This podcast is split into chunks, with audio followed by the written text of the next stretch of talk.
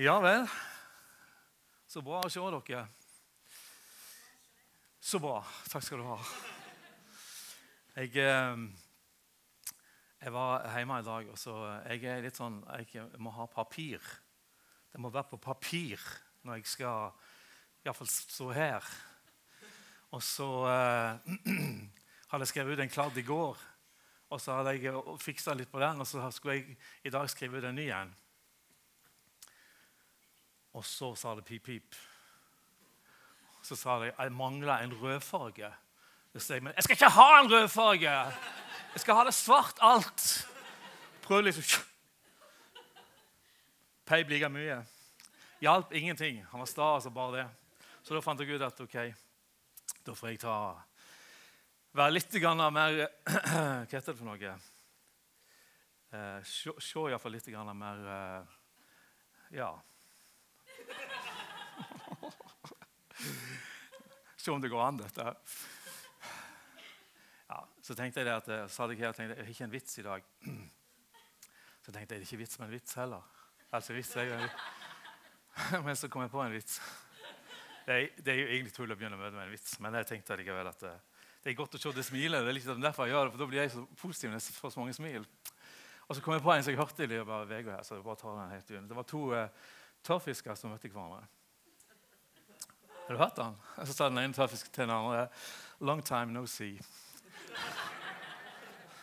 Så det. det var lenge siden den hadde vært i vannet. Yes. Jeg eh, begynner litt i dag med visjonen vår. Gjør Jesus kjent for alle mennesker og gjør dem til hans etterfølgere. Eh, jeg, litt, jeg, jeg, tenker litt at det, her er ikke først og fremst et kall liksom, eller en utfordring til menigheten, men det er en utfordring til deg og til meg. Det var en, en, en av mine helter da jeg var ung, som het Keith Green. Han døde altfor tidlig. Men han sa at this generation of sinners are responsible of this, now this generation of believers are responsible of this generation of sinners. Altså, den generasjonen som er her, av truende, vi har ansvar for den generasjonen av syndere, som mennesker som ikke har fått oppleve Jesus, som lever i hodet. Og så tenkte jeg at jeg er litt pirkete. Derfor jeg er litt pirkete med den visjonen. For dette, jeg, jeg, sier det skal, skal, skal, ikke stå 'vi skal gjøre', det skal stå 'gjør'. For dette, Hvis vi sier 'vi skal gjøre det', så blir det, ja, da er det menigheten. Da er det liksom alle de andre som skal gjøre det. Men hvis det står 'gjør', Jesus kjent for alle mennesker, og gjør dem til hans etterfølgere, så blir det ditt og mitt ansvar til å gjøre det. Føler jeg iallfall. Og så har vi sånn at vi har en visjon, og så har vi verdier i den visjonen. Og Det er mangfold. Den talte jeg om sist jeg talte. Så er det kjærlighet. Den skal jeg tale mer om i dag. Og så er det glede, ærlighet og, og ekthet som jeg skal ta med underveis. Jeg håper jeg får gjort det før sommerferien. Hvis det ikke så må jeg slå i hop to. I hvert fall. Men i hvert fall men vi skal være med og sørge for at mennesker skal bli kjent med Jesus og, hans, og bli hans etterfølger. Og hvis vi skal gjøre det, så må du og meg som representerer han, representerer hans verdier, gjøre sånn at folk, når de møter oss, at de får møte Guds hjerte. Så Sist talte jeg om eh, mangfold, og i dag skal jeg tale om den neste verdien, som er kjærlighet. Størst av alt, sier Bibelen, er kjærlighet. Og Kjærligheten den inneholder også noen underpunkter som har med omsorg å gjøre, som har med håp å gjøre, som har med gjestfrihet å gjøre, og som har med godhet å gjøre. Alt dette ligger i kjærligheten. Og hva er egentlig kjærlighet? Jeg, når jeg begynte på dette, her, så tenkte jeg ja, kjærlighet er jo kjærlighet. så det er jo greit nok. Men når jeg begynte å jobbe med det, så ble det liksom så svært og stort. Og så så jeg ting som jeg ikke hadde sett før. og så tenkte jeg, Klarer jeg å formidle dette her på en måte som gjør at det får noe essens ut av dette her, og som gjør at det, det ser enda større på kjærligheten kanskje enn det det gjør i dag? For, for kjærligheten, det handler om, om eh, Kanskje det som vi først og fremst tenker når, når vi sier kjærlighet, det gjelder kjærlighet mellom to mennesker, to mennesker som blir glad i hverandre. og den kjærligheten der. Men kjærligheten handler egentlig om så mye mer. Det handler om den kontakt som du skaper med andre mennesker. Det handler om det smilet du gir på butikken. Det handler om den nikken noen mennesker får, den samtalen noen får i kafeen. Det som du gjør i din hverdag, handler om kjærlighet, for det skaper relasjoner til mennesker.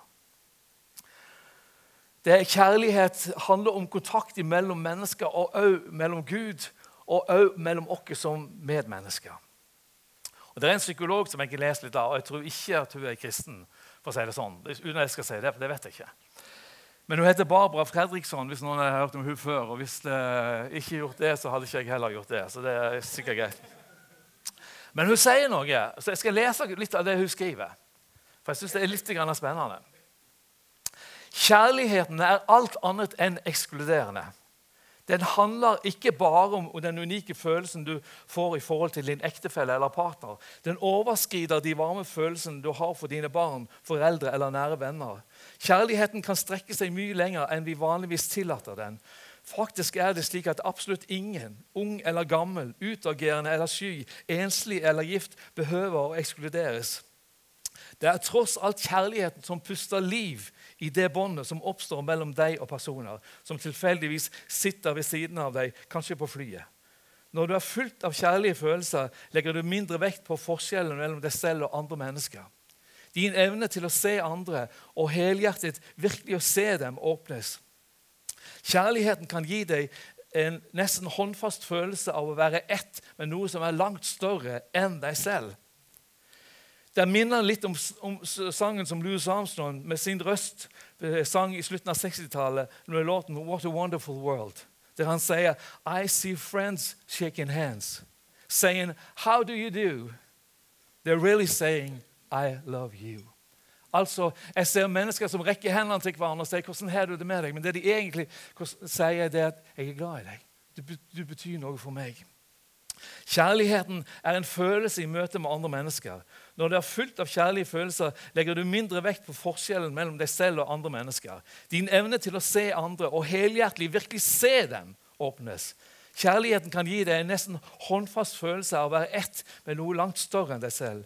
Det høres kanskje uvant ut, men kjærligheten er, er, er mye mer og er alle nærværende. Mer enn du hadde trodd var mulig, nettopp fordi kjærligheten handler om kontakt. Det er den nesten smertefulle, varme følelsen i hjertet som du kjenner når du for første gang stirrer inn i øynene på et nyfødt barn, eller når du klemmer en kjær venn farvel, eller for å heie på samme lag på en fotballkamp. Det er kjærlighet. Definisjonen av kjærlighet som jeg ønsker å dele med deg, er som følger. Kjærligheten blomstrer nesten når som helst når to eller flere mennesker, selv fremmede, knyttes sammen av en svak eller sterk positiv følelse. Det blir masse ord. Men jeg syns den sier noe. Vi se hvis jeg får neste bilde. Nå vil ikke denne her iallfall mer. Ops.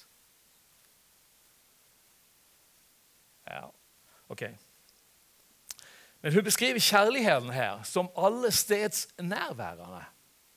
Og Jeg tenkte at, jeg tror ikke egentlig hun visste hvor rett hun egentlig hadde. Og når jeg satt og leste det som hun, som hun eh, beskriver her, så tenkte jeg det at det, den kjærligheten ligger i oss som mennesker. Hun ante ikke hvor rett hun hadde, for det ligger i oss. For vårt DNA, det som du og meg har fått, har vi fått fordi vi er skapt i Guds bilde. Gud har skapt alle mennesker i sitt bilde. Og når jeg, når jeg leste dette, så tenkte jeg kjærligheten kan brukes på en positiv måte, men kjærligheten kan òg misbrukes. Men den er basisen for alt det som heter liv. Den er basisen for våre relasjoner. Og det ligger noe guddommelig i kjærligheten. Noe som er fantastisk, noe som er verdifull. Og nå tenker jeg, når jeg tenker på det at Bibelen sier jo til oss at livet har to utganger. Det er en med Gud og en uten Gud. Og Samtidig, samtidig så vet jeg at Gud han er kjærlighet. Så forteller deg meg, deg, meg det at alt det som er godt, alt som gir håp, alt som har med varme, alt som har med lys, og alt som har med kjærlighet, kommer ifra Gud. Jeg tror til og med Når vi møter mennesker som ikke kjenner, mennesker som ikke er kristne, men allikevel viser kjærlighet, så kunne de ikke vist kjærligheten uten at Gud var til stede i en eller annen form, uten at han hadde planta sitt DNA inn i deres menneske òg. For de er skapt i hans bilde, alle sammen. De bærer med seg en del av Gud. Og Når jeg får et smil, når jeg, får, når jeg får en positiv tilbakemelding, når jeg får noe godt, så tenker jeg det er et glimt av Gud jeg ser. De vet bare ikke om det. Han har planta seg sjøl inn i dem for at vi skal få lov til å kjenne at kjærligheten gjør noe med oss. Vi deler kjærligheten opp i to typer med som mennesker. Vi snakker om agape, som er Guds kjærlighet til oss, og vår kjærlighet til Gud. Vi snakker også om eros, som er den erotiske kjærligheten, den medmenneskelige kjærligheten. Men på norsk har vi bare ett ord. Egentlig er det litt fint, for det er bare kjærlighet. Vi har liksom ikke noe mer å stille opp med. Og Jeg tror alt det som har med kjærlighet å gjøre, har noe guddommelig over seg. Guddommelig over seg. For Gud er kjærlighet, og uten Gud så vil ikke kjærlighet kunne oppstå. Uten Gud ville kjærligheten, omsorgen, gjestfriheten, godheten og håpet forsvinne fra mennesket. Og De fleste av oss som sitter her i dag, regner med, er skapt i kjærlighet.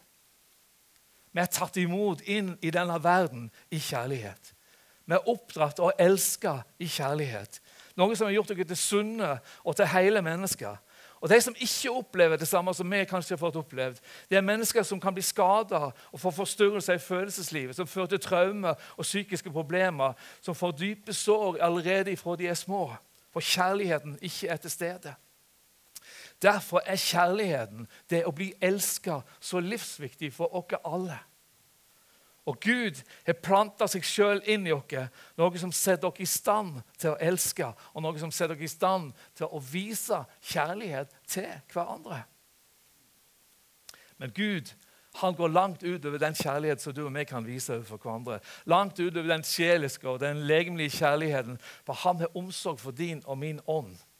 Og han sier det verset har blitt sitert før, at Gud elsker verden så høyt at han ga den eneste sønnen for at hver den som tror på han ikke skulle gå fortapt, men få et evig liv. For Gud sendte ikke sin sønn til verden for å dømme han, men for å redde verdens mennesker. For å redde deg og meg. Og Bente hadde en tale her sist søndag som en overskrift som heter 'Sett og hørt'. Og jeg tenkte Min overskrift er kjærlighet for dette møtet, her, men det er også en underskrift som sier 'hørt og erfart'. For det er en stor forskjell på det. Det, ligger, der er, en ting, det er en ting hva vi leser og hva vi kan ta til oss av, av, av, ord, men det er noe helt annet hva vi får erfare i livet vårt. Det er sånn med mange ting i livet. Du og vi kan høre på mange menneskers erfaringer. Vi kan høre på ting de har gjort og opplevd. Store menneskelige bragder som vi syns er fantastiske. Og vi kan si wow! Det er helt utrolig at det går an. Og så gjør det kanskje noe med oss i øyeblikket, men det forandrer igjen ingenting, for vi hører bare det som blir sagt om andre. Det er én ting å høre om kjærlighet, og det er noe helt annet og det er å føle at en er elska. Kjærligheten gjør noe med oss. Det skaper noe i oss. Det gir oss en trygghet. Kjærligheten har tryggheten og omsorgen i seg. Og Gud, han elsker oss. La meg bare si det, sånn at du vet det, det som sitter her i dag. Bare si det til alle dere at du er elska. Du er elska. Uansett hvordan du føler og kjenner det i dag, du er elska. Og i hans øyne så er du jeg håper å si favoritten. Alle sammen. Han gjør ikke forskjell på dere. Han elsker dere bare så ufattelig stort. Og Jesus, eller Johannes sier det. Eller Jesus sier det. Se hvor høyt dere far har elsket dere. Han som kaller dere sine barn. Det er ikke lett å forstå for de som ikke kjenner Gud. Derfor kan de heller ikke forstå hva som er viktig for oss som er Guds barn. Når Johannes sier, 'Mine elskede søsken, vi er Guds barn'. Og Johannes han var en liten raring, syns jeg. Ingen andre skriver så mye om kjærlighet som han gjør. Lagt merke til det? Hvis du leser brevene av Johannes, hvis du leser eh, evangeliet av Johannes, så snakker han veldig mye om kjærlighet. Og jeg lurte på Hvorfor i all verden gjorde han det? Han ble jo kalt for den elskede disippel, eller den disippelen som Jesus elsket. Og Jeg har på det at eh, jeg tror ikke det var fordi han var så mye mer elska enn de andre. Jeg tror det var fordi han trengte mer kjærlighet enn de andre. Han trengte å vite at han var elska. Han trengte en bekreftelse fra Jesus. Og han måtte ha disse her bekreftelsene litt oftere enn alle de andre. Og Erfaringene han gjorde, ga han tryggheten om at han var elska, og at han var et Guds barn. Erfaringene med Gud ga han håp og en visshet. Derfor sa Johannes, 'Jeg er Guds barn'. Han hadde en visshet som ikke var så lett å forstå for de som ikke kjente Gud, og ikke hadde erfart hans kjærlighet, men bare hørt om ham. Men hvis du har erfart Guds kjærlighet, så er du Guds barn. Johannes måtte forkynne det for seg selv, tror jeg. Han måtte si det høyt til seg selv. Jeg tror Johannes sa det ofte. 'Jeg er Guds barn'. Han forkynte det for seg selv, så han fikk høre det. for det står at tro kommer av forkynnelsen. Og Etter hvert som han hadde sagt det mange nok ganger, så var han overbevist og hadde en visshet om at ja, jeg er Guds barn. Og Det tenker jeg, det kan vi også godt gjøre til hverandre av og til. Av og til så blir vi gjerne usikre, av og til så møter vi problemer og ting som kan bli vanskelig i livet vårt. Det å forkynne litt for oss sjøl, stå foran speilet og si det, Kurt, du er Guds barn. Kurt, du er verdifull. Kurt, du har noe som er unikt bare for deg. Og så forkynne litt. Og så begynner vi å høre på det vi forkynner, og så begynner troa å komme. Og så tenker jeg ja, jammen, jeg er ikke så verst allikevel. I Guds øye, da, iallfall. Kanskje ikke i alle andre sine øyne, men iallfall i Guds øye. Derfor forkynner Johannes det. Og vi er Guds barn. Punktum finale. Vi er elska. Vi er trygge hos Han. Vi er aksepterte. Og Han overøser oss med sin godhet. Men det er én ting å høre det, og det er noe helt annet og det å erfare og oppleve det. Og Av og til så må jeg i hvert fall, kanskje vi gjør sånn som Johannes gjorde, få en ny bekreftelse på at vi er elska. Og Jeg har opp gjennom tida opplevd mye med Gud. Jeg har opplevd eh, bekreftelser der Gud har vist meg gjennom helbredelse, gjennom økonomiske under der jeg bare ikke visste hva vi skulle gjøre. Jeg har fått profetiske tiltaler som jeg kjenner at det er Gud som har talt inn i, inn i livet mitt. Jeg har aldri egentlig tvilt på at Gud er min far. Men jeg har tvilt på meg selv. Valg som jeg tatt privat, valg som jeg tok som pastor, stilte spørsmål av og til om var jeg den rette, var jeg god nok. Og selv om du vet kanskje svaret, så trenger du av og til den bekreftelsen å høre det fra Gud sjøl at jau, du er elska. Jau, jeg ser akkurat deg. Og Av og til så tenker jeg at vi kan bli sånn, vi kommer i, i, en mengde med mennesker, og det, det, det, blir så masse rundt. og det blir liksom, Du lurer på ser, han, ser du meg midt i alt dette mylderet. Ser du meg som den lille mauren som går der og strever alene? Ser du hva jeg holder på med? Det er greit nok at du ser menigheten, at du velsigner liksom, de store, men, men jeg er jeg. Teller du mine hår? Ser du hvem jeg er, hva jeg gjør i min hverdag? Og en gang så, Jeg tror jeg har fortalt det før, men jeg tenker det en gang til. Men en gang så, så var lederskapet her menigheten samla. Det hadde vært møte. Og det var en forkynner eller en profet som ville be for hver enkelt av oss som var i lederskapet. Og jeg hadde kjent på det at uh, jeg hadde hatt en tøff tid. Det hadde vært litt sånn turbulent rundt meg.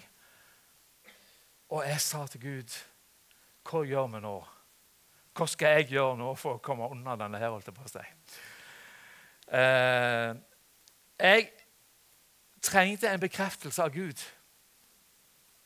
Jeg ville ikke at noen mennesker skulle fortelle meg hvem jeg var og hva jeg skulle gjøre. Jeg ville han skulle si Kurt, jeg er glad i deg. Og jeg trengte det Gud sa det. At han elsker meg. Jeg trengte det litt sånn som Johannes, tenkte jeg. Jeg trengte et fang å sitte på. Og Jeg tror jeg sto som den siste i rekka som ble bedt for. til det jeg husker. Og så hørte jeg det ble profetert over hver enkelt. Og det var liksom du skal bli, og du skal gjøre, og du skal Og helt sikkert rett inn i de menneskene sin situasjon. Men jeg sa til Gud Gud, jeg vil ikke ha det. Jeg vil ikke ha det. Jeg vil ha én ting av deg, Gud. Jeg vil bare at du skal si at du elsker meg. Det vil jeg ha. Og Etter hvert som rekka kom, eller hun kom lenger og lenger bort i rekka og ba og profeterte, så sto jeg litt sånn, kjente meg litt sånn jeg kjenner meg litt sær. Jeg gjorde jo det. Men jeg kjente at det er det eneste jeg trenger i dag. Og så, når hun da kom og la hånda på meg, så sa hun jeg en hilsen. Gud elsker deg. Ingenting mer, ingenting mindre. Og gjett om jeg knakk i hodet. Da fikk jeg akkurat det, og da visste jeg Jeg visste at han var glad i meg. Men jeg visste at han så meg blant alle de andre. Jeg var ikke bare én i mørktua som var samla, men han så meg, den situasjonen jeg sto i. Og da kjente jeg yes, det er kjærlighet. Det er hans godhet. Og vi trenger å erfare det, ikke bare høre det. Jeg var inne hos eh, en av ungene mine en dag og barnebarna hadde lagt seg. Men så plutselig så hørte jeg en som ropte 'Bestefar!' Så jeg ja. 'Kom opp, jeg vil ha en godnattklem.' Jeg trodde han hadde sovna, men det hadde han ikke. Så gikk jeg opp på soverommet og så fikk jeg en sånn god bamseklem. Og så så han på meg og så sa han, 'Bestefar, det var godt at jeg ropte på deg.' Og så tenkte jeg etterpå. Han trengte å kjenne på en måte at han var elsket av bestefar. Og jeg trengte å kjenne at jeg var elsket av han. Og så trengte jeg etterpå at jeg tror Av og til så må vi òg ta oss litt til rette. Vi må rope på Gud og si 'Jeg trenger deg nå'. Jeg trenger å se det nå. Jeg må legge ut noe ull for å se om det er tort eller bløtt. Eller et eller annet som gjør at du viser at du er midt i kaoset mitt. Midt i alt det som jeg føler ikke fungerer, så er du der allikevel. Og da kan jeg rope som hans rotebeste og si, 'Gud, far, nå trenger jeg en klem av deg.' Og høre at jeg er elska. Ifra vi er babyer, er kjærligheten grunnleggende. Og uten omsorg og kjærlighet så utvikler vi oss som mennesker feil. Det kan være at det som er trygghet, blir til utrygghet i vårt liv. Det kan være det som blir kjærlighet, blir til frykt. Det kan være det som, blir, som skulle vært varme, blir til kulde. Og Kjærligheten er selve grunnlaget for et godt liv, og det er det som vi bygger på. Johannes sier noe mer. Beskriver Jesus der han forteller hvordan han elsker oss. Han sier, 'Jeg elsker dere på samme måte som min Gud, min far, har elsket meg.' Så bli i kjærligheten. Når dere gjør det jeg har bedt dere om, blir dere i min kjærlighet. På samme måte blir jeg i min fars kjærlighet hver gang jeg gjør det han vil jeg skal gjøre. Dette har jeg sagt til dere for at min glede skal fylle dere, og for at gleden deres skal bli fullkommen. Dette er min befaling, at dere skal elske hverandre slik som jeg har elsket dere. Ingen har større kjærlighet enn den som gir sitt liv for vennene sine. Og dere er mine venner Vær også dere villige til å ofre noe for hverandre. Jesus sier her at han elsker oss på samme måte som vår far elsker oss. Og han ber oss så inderlig om å bli i kjærligheten. Kjærligheten sier han skal gi oss glede, en fullkommen glede. Og så kommer han med denne befalingen til oss. Elsk hverandre slik som han har elsket oss. Vi skal elske hverandre. Og Da må du og meg være villige til å strekke oss ganske langt. Kanskje utover vår egen komfortsone. Du ser, kjærligheten gjør noe med oss. Kjærligheten skaper noe i oss. Ikke bare som mennesker fra vi blir født til vi, til vi dør. Men kjærligheten gjør noe òg i vårt åndsliv fra det starter og til vi er hjemme i himmelen og sånn. På samme måte som et barn som vokser opp i kjærlighet og trygge omgivelser, blir trygge, harmoniske barn, så trenger vi kjærligheten til hverandre for å bli harmoniske, sunne og friske, trygge kristne.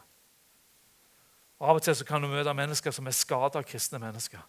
Kristne som er vokst opp i en fryktkultur der synd og skam og mindreverdighet for aldri å være god nok har vært bytta ut med kjærligheten. Eller bytta ut frykten med kjærligheten, kjærligheten med frykt. Folk som har tatt skade på sitt eget sjelsliv. Og det fins bare én medisin for å få ting på plass igjen i disse menneskene og vårt menneskers liv som går og bærer på sår. Og den medisinen, det er kjærlighet. Kjærlighet, kjærlighet, kjærlighet. Jeg vil påstå at kjærlighet er det sterkeste våpen som Gud har gitt dere. Det fins ingenting som er som kjærligheten. Den er så sterk at den knuste døden og dødens makt. Så sterk at den ga meg evig liv. Så sterk at jeg får lov til å bli Guds barn. Og han ga sitt liv for deg og meg, og han kaller dere sine venner. Lenger kan ikke du og meg gå. Og Større kjærlighet fins det ikke enn det som Jesus gjorde for oss. Derfor utfordrer han oss og sier 'elsk hverandre'. Ikke hvis vi vil, men som resultat av at du og meg sjøl er elska. For det er en forskjell i det jeg hører det på talerstolen, og det jeg erfare det når vi kommer ut i kafeen, på butikken, i hverdagen, på jobben, på skolen. Det hjelper ingenting å komme her på Betania og høre de gode nyhetene hver søndag hvis mennesket ikke får erfart kjærlighet ifra deg og meg. Derfor ønsker vi òg i menigheten at kjærligheten skal være en av våre store viktige verdier som vi holder og hegner godt rundt. Noe som ikke bare skal høres, men noe som skal praktiseres med at mennesker føler seg sett, respektert, elsket, verdsatt i det våre sammenhenger.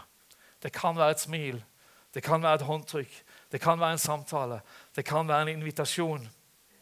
Men når det går fra ord til handling, det er da forandringen skjer i menneskers liv. Peter sa at kjærligheten den fokuserer ikke på det gale som blir gjort, men tvert imot så dekker det over det gale vi gjør. Vær gjestfrie mot hverandre uten å klage. Derfor kjenner jeg, når jeg, når jeg begynner å jobbe med kjærlighet, så kjenner jeg at det er så svært. Det er så stort. Det er så altomslukende. Og jeg tenker det at Uten Gud så vil det ikke være noe kjærlighet i denne verden. Og Hvis et liv skulle være uten kjærlighet og uten Gud og hans nærhet, så ville det være et samfunn som var fullt av hat og kulde. Det var fullt av løgn og mot. Men så kommer han med sin kjærlighet, og så kan vi også møte den i de menneskene vi møter. Smilet, godheten, varmen, som jeg også tenker er Guds DNA, som er planta ned i våre medmennesker, og som vi skal få lov å være med og elske til Gud, at vi skal finne veien til Han. Da vi vet at Gud er kjærlighet, så vil det si at kjærligheten er Gud. Han dekker over. Han skjuler hva feil og mangler i Jesus. Men vi må bli så fullt av kjærlighet til hverandre. Vise det i vår hverdag. Være gjestfrie uten å dømme. Be noen på besøk. Ikke ha sperrene for mennesker er sånn og sånn, men fokusere på det som ikke fokusere på det gale som mennesket har gjort, men dekke over på samme måte som Jesus gjør det. Og så sier Johannes igjen at hver den som bekjenner at Jesus er Guds sønn, Gud blir i han, og han i Gud. Og vi har lært kjærligheten å kjenne og kommet til tro på kjærligheten, den som Gud har gitt dere. Gud er kjærlighet, og den som blir i kjærligheten, blir i Gud, og Gud i han. Altså Hver den som bekjenner at Jesus er Guds sønn, blir i Gud, og Gud blir i han. Du blir i kjærligheten, og kjærligheten blir i deg. Er ikke det fantastisk? At vi får lov til å bli en del av denne her enorme kjærligheten som Gud har vist dere mennesker. At vi får lov å bekjenne Jesu navn og bli i Gud. Og Gud lover at han skal bli i oss. Da er det ikke lenger noe tvil. Da er det ikke rom for, for, for, å tvile på hvem vi er i Kristus. Da kan vi si med Johannes ja, jeg er Guds barn. Jeg skal til himmelen en dag. Jeg skal hjem og se Han, Han som er kjærligheten. Og så kommer jo selvfølgelig det som er størst av alt kjærlighetskapitlet. Som står Når jeg skrev det for Hverdagsbibelen, så står det sikkert litt annerledes enn det det er vant med. kanskje. Nå er det Siri, nå vil hun snakke med meg, men det vil ikke jeg. Hun fikk beskjed, og hun forsto ikke hva jeg mente. Jeg håper det forsto litt mer enn det hun gjorde. Det var bra. Kjærligheten er tålmodig. og den er vennlig. Kjærligheten er ikke misunnelig. Kjærligheten skryter ikke, og den fokuserer ikke på seg selv. Den oppfører seg ikke dårlig og krever ikke sin egen vei. Den lar seg ikke hisse opp, og den gjør ikke noe vondt mot noen. Kjærligheten gleder seg ikke over urettferdighet, men den gleder seg når sannhet vinner. Kjærligheten tåler alt. Den tror på, all, på andre, håper i det lengste, og den er tålmodig til å holde ut igjennom alt. Til slutt vil disse tre bli stående tro, håp og kjærlighet. Og størst av dem er kjærligheten. Og så er det kanskje vært med på det tidligere og gjort det at vi bytter ut kjærligheten med meg og deg. Da kan jeg lese det for meg og si Så dømmer jeg meg sjøl. Så blir jeg kanskje dømt av dere. Men dommen hører Herren til. Så jeg leser det likevel med frimodighet. Kurt er tålmodig. Nå må du si ditt navn, da, selvfølgelig. Og Kurt er vennlig. Kurt er ikke misunnelig. Kurt skryter ikke og fokuserer ikke på seg selv. Kurt oppfører seg ikke dårlig og krever ikke sin egen vei. Kurt lar seg ikke hisse opp, og Kurt gjør ikke noe vondt mot noen. Kurt gleder seg ikke over urett, men gleder seg når sannhet vinner. Kurt tåler alt. Kurt tror på andre, håper i det lengste. Og Kurt er tålmodig til å holde ut igjennom alt. Det utfordrer. Jeg kjenner jo det at det er en utfordrer. Men jeg tror det er viktig for dere å sette dere sjøl inn og tenke at det er det som Gud ønsker å forvandle dere til. Det er det som er hans DNA. Det er det som er hans fullkomne kjærlighet. Og Det ønsker han å dra oss, deg og meg, lenger og lenger inn, sånn at vi får bli mer og mer lik han. Selv om vi kjenner at vi kommer til kort. Så ok, vi kommer til kort. Men allikevel så er det det vi ønsker å oppnå. Det er det som vil være vårt mål. Og så blir disse her tre stående til slutt. står det. Tru, håp og kjærlighet. Men størst iblant de er kjærligheten. Og hva gjør så kjærligheten? Ja. Jeg sa det at jeg tror kjærligheten er det sterkeste våpen Gud har gitt dere. Jeg sa det at den eneste medisinen, det eneste som kan være med å lege et menneske, tror jeg er kjærligheten. Jeg leste meg ei dame som, som, var totalt forlatt av mennesker. Satt i fengsel, nedbrutt. Ingen som på en måte hadde tro på at hun kunne bli noe igjen.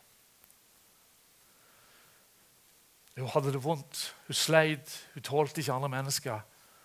Hun satt ensom på cella, men det var ei dame som tenkte hun skal jeg vise kjærlighet til. Så dag for dag, gang etter gang, så gikk hun på besøk i fengselet. Satt utfor denne her dama si, si dør, prata kjærlighet inn i hennes liv. Fortell du hvordan hun var elska. Fortell du hvem Gud var.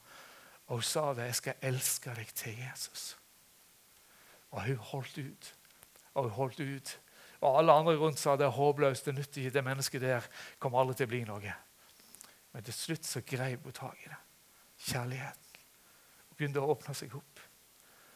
Og Så får denne her salven av kjærlighet, denne her salven av godhet, denne her medisinen som Gud har, komme inn i hennes liv og bli smørt utover og inn i henne på en måte som gjør at hun blir forandra som menneske. Og så får hun lov til å reise seg i kjærligheten. Får lov til å få et nytt håp, et nytt liv og bli et nytt menneske. Det er de sår og alt det som var ødelagt i hennes liv, ble lekt av kjærlighet. Og Det er der jeg tenker at vi som medmennesker, som medvandrere, som menighet, som søsken òg må bry oss om hverandre. Og vise det i kjærlighet i vår hverdag. Vise at vi bryr oss.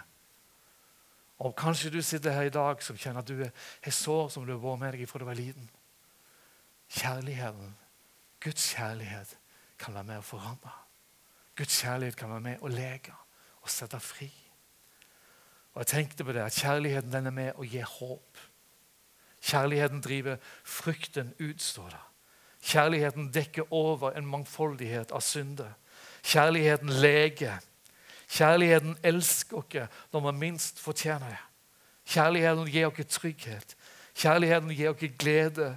Kjærligheten setter oss fri, og kjærligheten tilgir. Kjærligheten er Gud, og Gud er kjærlighet. Og han er her i dag. Han ser oss i dag. Og han ønsker å overøse deg med sin kjærlighet.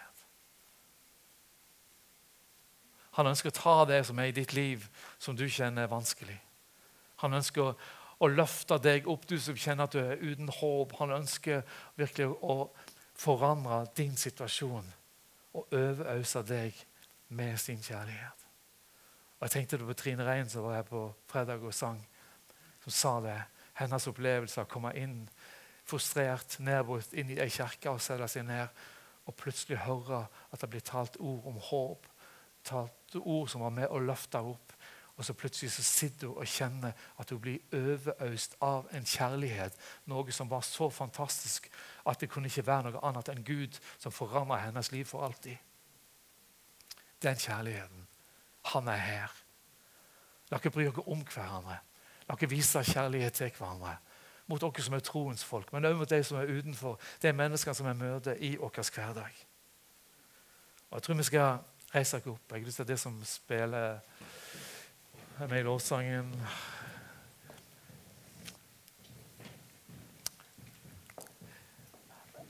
Jeg tenkte at kanskje du er her i dag som trenger òg å rope på din Gud. Fordi at du trenger en bekreftelse på at du er elsket.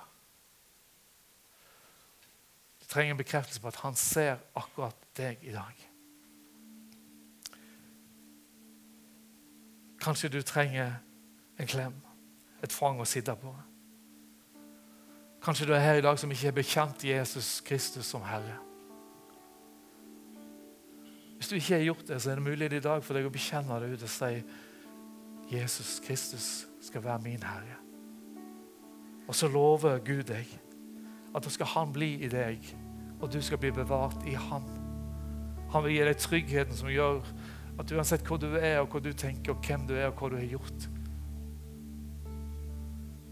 så har du tryggheten at han er med deg. Han er i deg. Kanskje du er som Johannes og trenger å høre det ganske ofte. Forkynn det for deg sjøl hvem du er i Kristus. Kanskje du er her i dag som trenger litt av den kjærlighetens medisin. En salve som flyter inn og leger dine sår det som du kjenner er vanskelig i ditt liv. Salven som driver vekk mismot og frykt. Salven som setter fri og får sår til å gro. Kjærligheten som gjenoppretter og gir deg hvile og trygghet i hvem du er i Kristus. Kjærligheten som er med og jager tvilen på dør i ditt liv.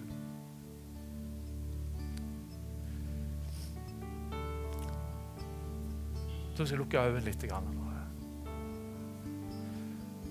Så jeg har lyst til at du som er her og kjenner at jeg, jeg vil ha forbønn i dag for en av disse tingene. Kanskje for at du ønsker å bekjenne Jesus som er i ditt liv. Kanskje fordi at du kjenner at du, du trenger noe legedom, noe salve inn i ditt sår.